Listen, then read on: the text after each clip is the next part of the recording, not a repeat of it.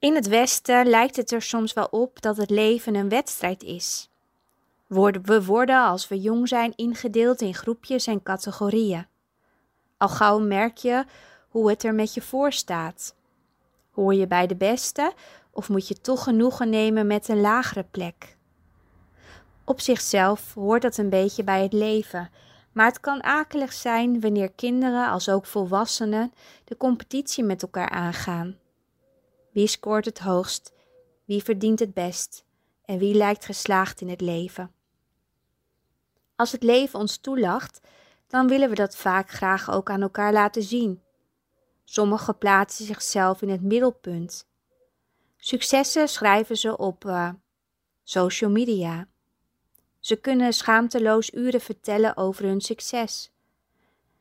Een ander doet het wat minder opvallend, maar in hun hart zitten ze in een wedstrijd. Wie is het best? Wie is het mooist? Wie is het grootst? Vaak vergelijken we ons met anderen. Dat kan ook zomaar gebeuren in je geloofsleven. Misschien kijk je wel met bepaalde ogen naar de beste gelovigen in je kerk. Of je trekt je op aan een spreker die in jouw ogen een fantastisch geloof heeft. Of je staart je blind op die man of vrouw die altijd aandacht heeft voor de zwakken.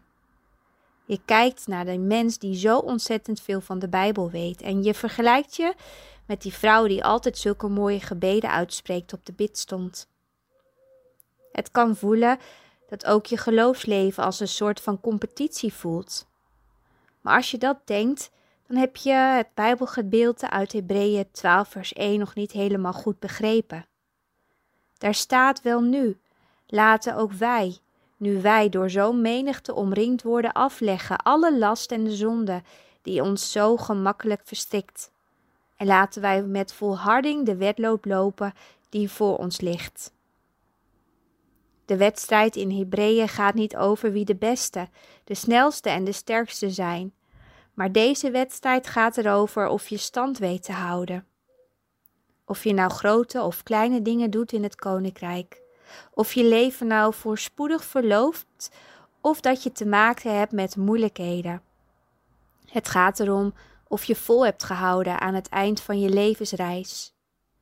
Denk dus niet al te groot over al die mensen die op dit moment iets goeds kunnen in jouw ogen. Ook zij moeten net als jij volhouden om stand te houden.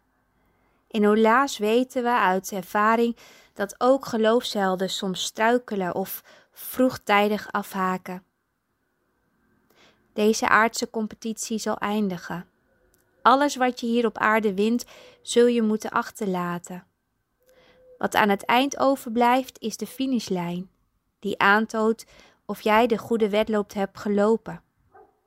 Op de tribune in de hemel zitten je reisgenoten die de finish al hebben gehaald en ze roepen vandaag uit de hemel naar je.